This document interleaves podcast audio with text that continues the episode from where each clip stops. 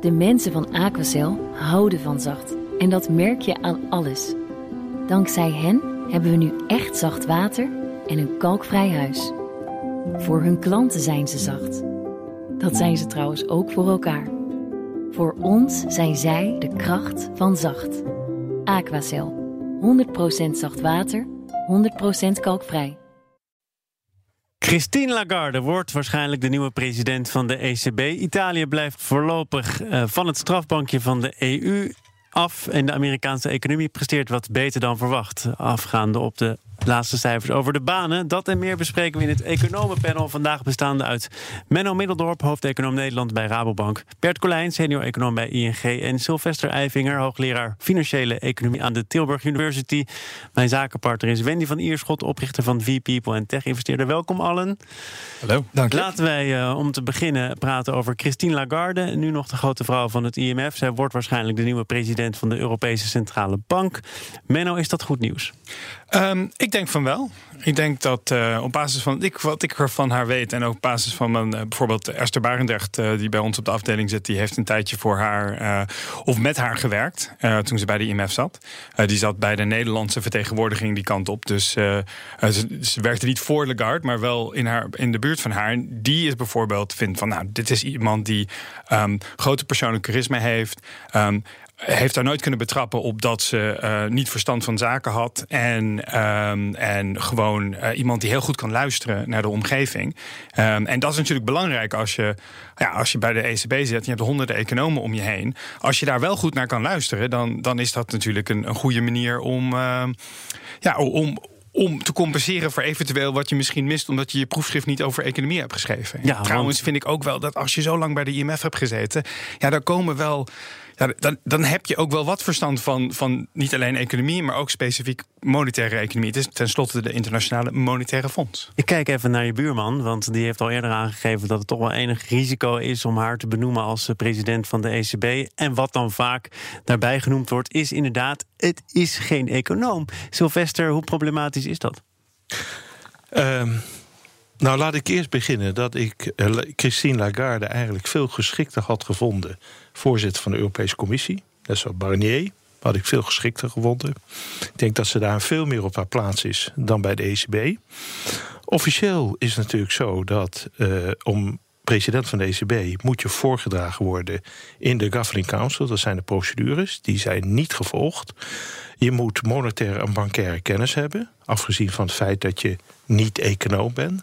Maar dat is een voorwaarde om benoemd te worden tot president van de ECB. Maar van Menno zegt, dat is al bewezen ja, misschien de afgelopen ik eventjes het, het, verhaal afmaken. Want Menno die had ook een uh, redelijk lang verhaal. Uh, dus uh, ja, ik vind dat ik ook iets tegen haar mag zeggen. Bert, helaas, je komt ja, volgende week ja, ja, ja, Maar goed, en de tweede man is Louis de Guindos. Dat is ook oud-minister van Financiën. Dus het probleem is een beetje dat zeg maar die monetaire en bankaire expertise... dus niet bij de president vicepresident zit. En dan is de vraag naar wie luister je?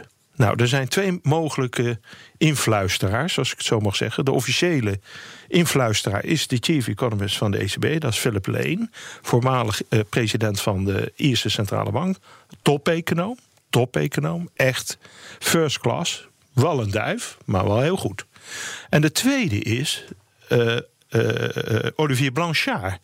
Dat is een superduif. Die is haar voornaamste adviseur geweest bij het IMF. Even uitleggen, want het gaat hier over duiven en haviken. Wat is precies Duif is uh, een beetje, ja, hoe moet ik zeggen, die houdt van verruiming, houdt van lage rentes, vindt dat er gestimuleerd moet worden door een centrale bank. Haviken, die zijn het tegendeel. He, dat is onze uitdrukking. Nou, nou, ik leg zelfs een boek over mensen die uh, dat boek niet gelezen hebben. Maar goed, dat maakt niet zoveel uit. Uh, en nu komt hij. ik was half juni bij het ECB-forum in Sintra. He, dus waar de centrale bankpresidenten en 50 hoogleraar uit Amerika, Europa. Daar hield uh, Olivier Blanchard, goede vriend trouwens van me hoor. Persoonlijk hebben we een heel goede relatie. Okay. Hield daar een uh, verhaal, een dinner speech. From 30.000 feet. Nou, ik, het leek wel alsof hij uh, van een andere planeet kwam. En waar ging het over? Hij wou, dat heeft hij ook eerder gezet in zijn presidential address van de American Economic Association. Hij wil dat de inflation target naar 4% gaat. Nou, als wij zelfs 4, 2% inflation target niet kunnen halen we zitten nou op 1,5, dan is dat natuurlijk totaal niet geloofwaardig. En dat we moeten is even dus een afronding van dit verhaal. Ja, nou, dat is dus gevaarlijk. Naar wie gaat zij luisteren? En jij bent bang dat dat deze meneer wordt? Nou, ik hoop dat het Philip Lane wordt. Maar ik vrees dat het Olivier Blanchard wordt. Laat ik het dan maar zo samenvatten. Bert, ik ben heel benieuwd naar jouw verhaal. Neem je tijd. Ja, nou, kijk, volgens mij is het zo dat het, het vooral heel interessant wordt. Het is, een, het is een leuke kandidaat in die zin voor ons als volgers, want we weten zo weinig van haar. Bij al die andere mannen die uh, in de, de running hiervoor waren, mannen voornamelijk, uh, wist je heel goed wat voor beleid ze zouden gaan voeren, omdat die al jarenlang praten over uh, de monetaire economie. Lagarde heeft dat maar één keer gedaan. Um, en voor de rest kan je inderdaad een beetje speculeren. Is het Blanchard waar ze naar luistert? Um, ze heeft bij het IMF, kennen we mensen die iets al maar we weten niet niet echt wat ze precies gaat doen. En dat is het interessante eraan. Um, aan haar en, en aan het beleid dat ze gaat voeren. Vooral ook omdat het in een hartstikke interessante tijd is dat zij uh, de ECB moet gaan runnen. En dat maar dat is ook een groot risico, want de financiële markten vertalen dat al in eh, verdere negatieve rentes. Dat zie je nu al.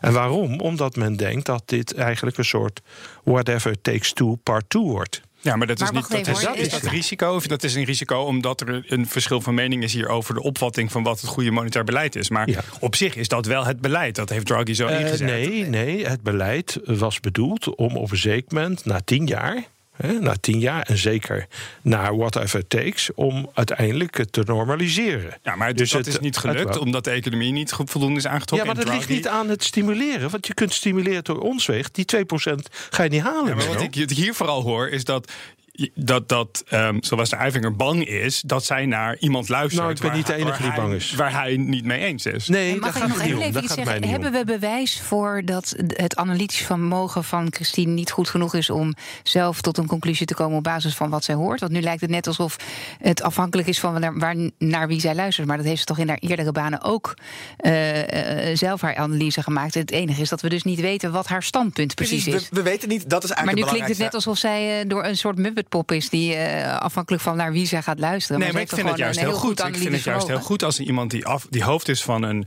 grote internationale organisatie in staat is om te luisteren naar veel adviseurs en dan inderdaad een beslissing te maken. Ja, en, en ze heeft juist laten zien bij het IMF dat, ze dat, kan. En ik vind iemand die al een heel vooringenomen beeld heeft van wat goed monetair beleid is, misschien helemaal minder geschikt. Ook al is dat gebaseerd op vele jaren van. Uh, Mag ik van, uh, een voorbeeld noemen wat dus heel cruciaal is? Ik was, dat was ook een discussiepunt in Sintra. Hè? Ik bedoel, uh, waarbij uh, sommigen uh, van jullie hebben dat via livestream. Nou, ik heb het real-time mee mogen maken. Grootste discussiepunt was. Wat wordt de monetaire beleidsstrategie van de ECB voor de toekomst? Dus na Draghi. Nou, daar zijn heel veel twijfels over. En die twijfels vertalen zich in onzekerheid in de financiële markten. Zie je ook. Je ziet ook dat de risicopremies toenemen. Je ziet ook op een zeker moment dat men verwacht dat er waarschijnlijk doorgezet wordt door Christine Lagarde. Nou, die onzekerheid die moet weggenomen worden. elke bank, centrale bank, heeft elke vijf jaar een monetair beleidsstrategie-evaluatie. Bank of Canada moet dat zelfs wettelijk doen. ECB heeft dat in tien jaar niet gedaan. Tien jaar lang niets gebeurd. Hoe machtig is een president? Want uh, nou, Zet diegene ook echt de koers uit? Of is dat dus iemand die, uh, wat Wendy denk ik terecht vraagt, vooral uitvoert wat andere haar nou, of hem is ook een beetje een keuze. Hè? Want de, de, we hebben verschillende, ook bij de ECB, verschillende presidenten gehad die een verschillende stijl hadden. Duisenberg werd altijd gezien als een beetje degene die een team creëerde. En, en Draghi, die heeft eigenlijk door zijn communicatiebeleid steeds een beetje voorgelopen op de rest van, van de commissie. En dat deed hij vaak heel handig. Dus uh, misschien dat Lagarde misschien wat meer die teamplayer nou, wordt. Precies, dat, dat, zou de derde optie zou dat zijn. Hè? We hebben het gehad over of ze luistert naar Philip Lane of ze luistert naar Olivier Blanchard. Maar het kan natuurlijk heel goed zijn dat zij inderdaad de verbinder wordt die veel meer binnen de Governing Council uh, kijkt waar steun voor is. En dat zou, hè, dat zou betekenen dat het, dat het minder geleid wordt door de president zelf, maar dat je meer echt een soort consensus ja, maar vind jij niet dat iemand dan ook monetaire en bankaire expertise nodig heeft om dat te kunnen beoordelen? Wat denk je dat ze doen bij de IMF? Ja? Het is niet alleen begrotingsbeleid. Nee, het is ook het monetair IMF, beleid. Het is ook nee. financiële stabiliteit. Daar hebben ze allemaal expertise Dat is niet de core business van het IMF. Niet, dat is niet de core business van het IMF. Ik bedoel, ik ben ook uh, adviseur bij het IMF geweest. Ik heb er ook gewerkt. Het is niet de core business van het IMF. IMF is wat anders dan een centrale bank. En dat moet men begrijpen. Wie had het moeten worden dan eigenlijk? Want jij zegt. Nou ja, weet je, het, het is een andere, het is een andere business. Kijk, Christine Lagarde was heel erg geschikt geweest, denk ik. mijn persoonlijke mening, als voorzitter van de Europese Commissie. wie, had, wie had dan deze zetel moeten nou, dan, dat was het moeilijke probleem. Men was eigenlijk bevreesd dat een noordelijke centrale bankpresident dat zou overnemen. Kijk, er is ook een ongeschreven regel dat als de vicepresident, de Guindos in dit geval, net zoals opvolger, de volger eh, Constantio van een zuidelijk land wordt, dat eigenlijk de president van een noordelijk land komt. Nou, dan heb je niet zoveel keus. Dan heb je Jens Wijtman, dan heb je Klaas Knot, dan heb je Olly Reen. Je hebt een beperkte keuze in, zeg maar, haviken uit noordelijke landen. Daar zat het probleem. Het probleem was dat er ook uh, veto's waren echte veto's tegen een enkele centrale bank uit het noorden. Ja. Jens Wijtman is een mooi voorbeeld daarvan. Die heeft wel op Sinta, dat was heel opmerkelijk, heeft hij gezegd van nou luister eens, uh, ik ga nu akkoord met OMT. Was heel opmerkelijk op dat moment. Ik wist ook wel waardoor dat kwam. Maar nu komt hij. Uh, Benoît Curé, een van de beste leden van de executive board van de ECB, van Frans Huis. Mhm. Die heeft op die eerste dag van Sinta een interview gegeven aan de Financial Times. Waarin hij zei dus nieuwe ECB-president moet echt verstand hebben van communicatie met de financiële markten. Dat was zijn statement. Iedereen, kan ik je zeggen, ik mag niet uh, zeggen wie, maar iedereen bij Sinta was het daarmee eens.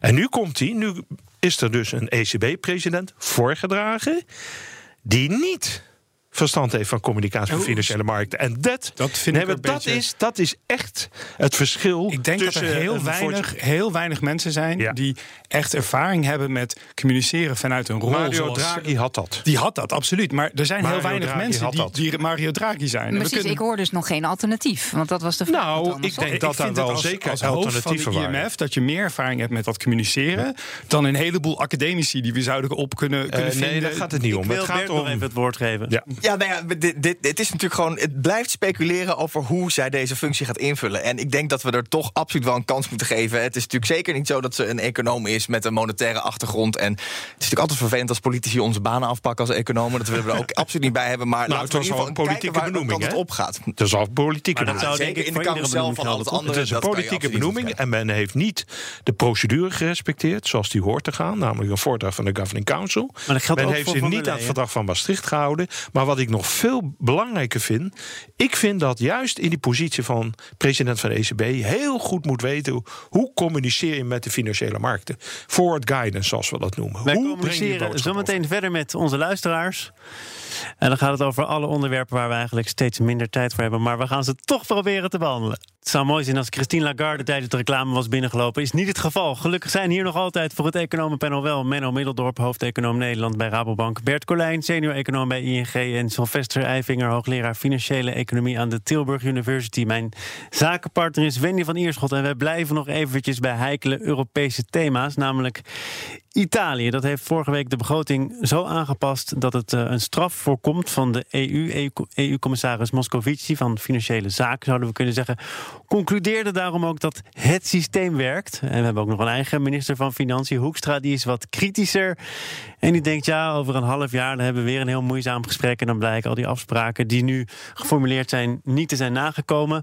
Bert, zeg jij nou, Moscovici eh, is te goed van vertrouwen? Of is uh, Hoekstra juist te kritisch?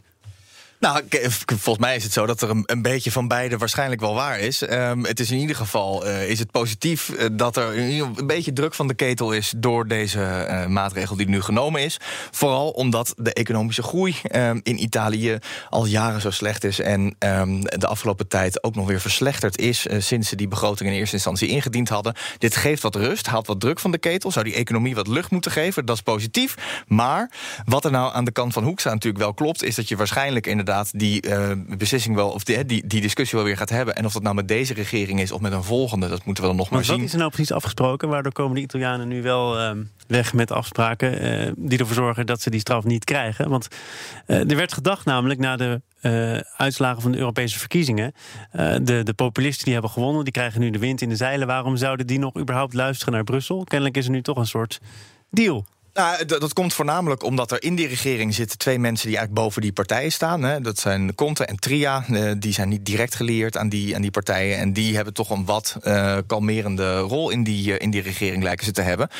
dat helpt daarbij. daarnaast is het ook zo dat de financiële markten een grote impact hebben op Italië. En dat als die rente sterk oploopt, dat daar toch ook de regeringspartijen dat die daar zenuwachtig van worden. Dus dat helpt, dat, dat helpt natuurlijk wel om iets gedaan te laten, te laten worden. Maar goed, tegelijkertijd is het zo dat je toch met een heleboel ja, uh, argwaan richting uh, de toekomst moet kijken. Want er moet straks alweer uh, een moeilijke begroting voor 2020 gemaakt worden. Die is nog moeilijker dan deze, als je de insiders mag geloven. want dan moeten echt, zouden ze echt graag willen dat de kraan open zou gaan. ja, daar moeten straks moeilijke keuzes over gemaakt worden. En de vraag is dan überhaupt of deze regering dat wel haalt. Omdat er twee partijen in zitten die allebei toch eigenlijk een andere ja, achterban willen bedienen. Gezien hadden ze al moeten vallen, geloof ik. Als je kijkt naar hoe lang tegenwoordig regeringen zitten in Italië volgens mij 13 maanden. En daar zijn we voorbij. Dus er gebeurt al iets historisch hier. Kloppen de cijfers überhaupt wel, Sylvester? Want we hebben in april nou, ook gezien... Ik wil eerst even ingaan over het Bert. Uh, die heeft een vrij lang verhaal gehouden. ook weer. Dus dat vind ik ook wel dat ik ook even... Ja, goed luisteren schijnt belangrijk te zijn. Uh, het uh, aantal aspecten heel belangrijk zijn. Die niet genoemd zijn. Eén. Dit was, nooit, dit was nooit op tafel gekomen zonder de druk van onze minister van Financiën, Wop Koekstra. Dat is één. Twee, men was aanvankelijk niet van plan om het rapport over Italië te openbaren. CDA-Kamerlid, eh, onze, onze huisterrier, als ik mag zo zeggen, Pieter Omzicht, die heeft daar veel. Uh, wat dat moet natuurlijk openbaarheid zijn van zo'n advies. Dus je ziet dat Moscovici daar uh, zeer terughoudend is mee geweest met betrekking tot Italië. En eigenlijk geprobeerd heeft dit zoveel mogelijk te voorkomen. Dus zonder de druk van Wopke Hoekstra en Pieter Omzicht was dit eigenlijk nooit voor elkaar gekomen. Dat is één.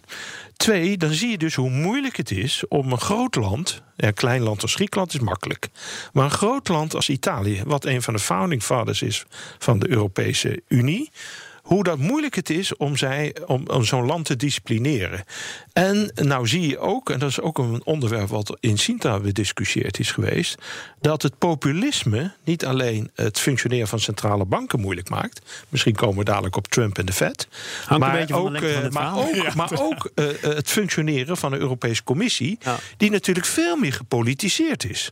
Dat is ook de reden waarom ik ook uh, met twijfels heb op Christine Lagarde, want het is politieke benoeming. En ik vind dat centrale bankiers onafhankelijk moeten zijn van de politiek. Maar ik wil nog even terug naar wat we nu bespreken. Namelijk dat er dus een overeenkomst is tussen Rome en Brussel. En Hoekstra is daar kritisch op. Moscovici zegt, zie je wel, het werkt uiteindelijk toch. Wat nou, zegt veel druk van Wopke Hoekstra. die nog steeds kritisch is die, op het resultaat. Uh, werkelijk uh, Moscovici achter zijn broek heeft gezeten. Ik zal het maar netjes zeggen. En, uh, en vervolgens ook kritische geluiden vanuit Nederland en Duitsland. Want het aanvankelijk leek het erop dat Italië of de hoek zou zijn. En dat zou dus heel kwalijk. Het is ook precies wat Renzi zei. Dat, dat herhalen ze nu ook. Kijk eens hoe goed het gaat. Onze kapitaalmarktrentes zijn laag. Maar is het terecht dat er nu sprake is van een Nee, maar die zijn laag omdat het de ECB die Italiaanse staatsobligaties opkoopt. En daarom zijn ze kunstmatig gedrukt. Dus dit zijn geen marktrentes. Als de, het ECB het opkoopbeleid zou verlaten, hè, dan zouden de echte marktrentes voor Italië weer komen en dan gaan ze echt voor stijgen. Ze zijn wel een flink stuk hoger dan, dan de Duitse staatsrentes. Ah, 200 basispunten meer of zo. Ah, ja, peanuts. Dus, uh, ja, kom, peanuts. Ja. Gaan jullie vaker samen uitnodigen? Kom, kom, kom, hou op, Menno. Dus er is niet zo dat er helemaal geen marktwerking is. En uiteindelijk is alleen de markt die echt Italië kan dwingen om iets te doen. Dit ja, zijn geen okay. Maar ze hoeven niet naar de rest van Europa te luisteren. Want ze kunnen gewoon van de markt lenen, zolang de markt dat uh, hun geld wil uitlenen. Dus pas, het, uh, wat mij betreft maakt Europa zich vooral impopulair door zich hier de, de, de messenger te zijn van wat eigenlijk de markt is die bepaalt of ze geld ja, uitlenen aan Italië of niet. Ja, maar de markt bepaalt niet de kapitaalmarkt ja, voor Italië. Ja, die, die bepaalt het wel. En dat is wat het is. En, dat is, en zolang het laag blijft, kunnen ze dat geld lenen. En dan kan Europa wel zeggen van... we willen dat je iets anders doet. Menno, ze kunnen het toch gewoon lenen in de markt. luisteren.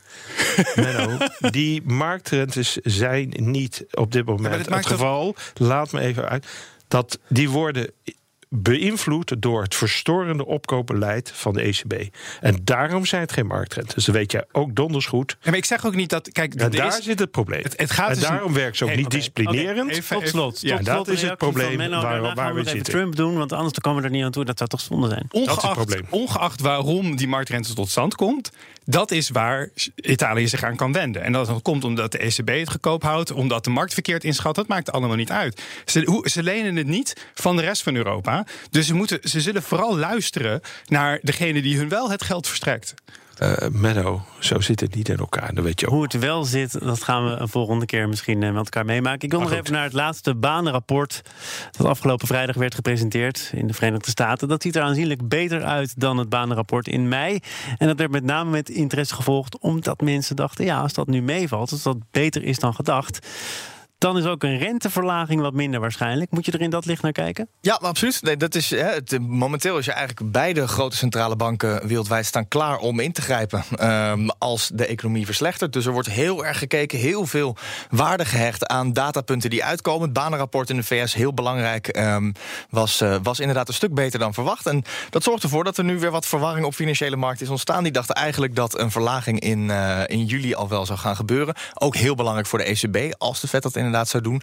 Nu is daar weer iets meer twijfel Want over. dan ga je mee? Want dan ga je waarschijnlijk, zeker gegeven hoe het er in Europa momenteel voor staat, is dat nog weer een extra reden voor de ECB, die toch al vrij uh, klaar staat om iets te doen om uh, de rente te verlagen. Ja. Dus dat is misschien een klein beetje uitstel. De vraag is dan wel of dat ook echt tot, tot afstel leidt. Eén slechte maand in mei, één goede maand in juni. Het gaat toch een beetje om de lange termijn patronen. Maar volgens mij houdt de markt nog steeds rekening met de renteverlaging. Alleen is die kans op een wat grotere renteverlaging van 50 basispunten nu, nu wat van de tafel. Ehm, en ja, goed, het is wel dichtbij de volgende vergadering. Dus het is een beetje moeilijk om voor de Fed om nu helemaal iets anders te gaan doen. Um, we hebben natuurlijk wel deze week de minutes. En we hij hebben moet nog. Naar het congres. Uh, hij moet naar het congres. Nou. Dus als hij.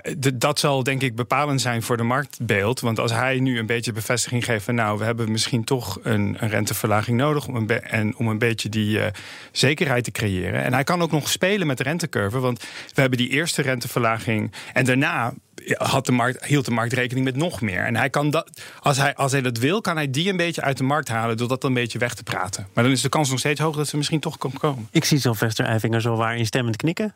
Nee. Oh, toch niet? nee. Maar, uh, dit heeft te maken met het feit dat Menno.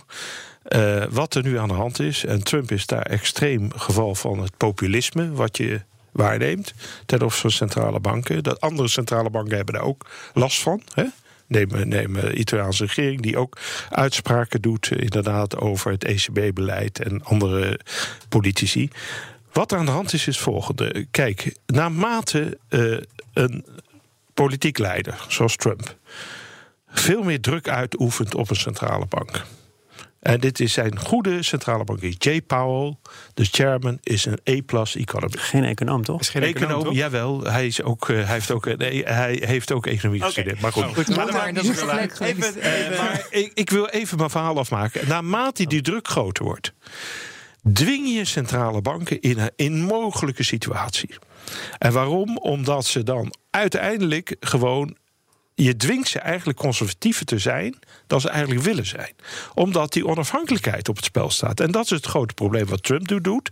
Trump heeft daar hele duidelijke motieven voor. Hè, zijn herverkiezing en de economie op gang houden.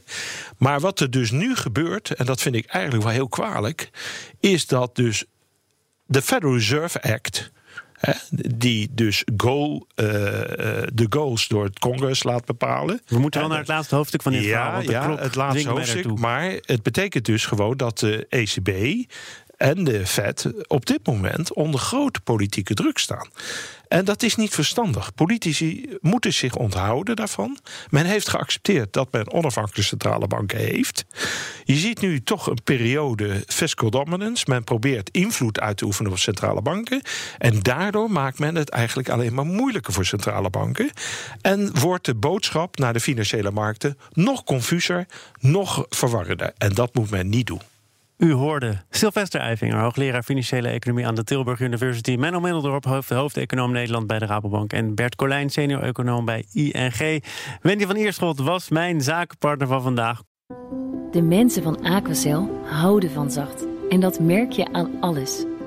Dankzij hen hebben we nu echt zacht water en een kalkvrij huis. Voor hun klanten zijn ze zacht. Dat zijn ze trouwens ook voor elkaar.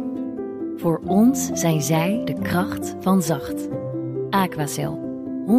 100% zacht water, 100% kalkvrij.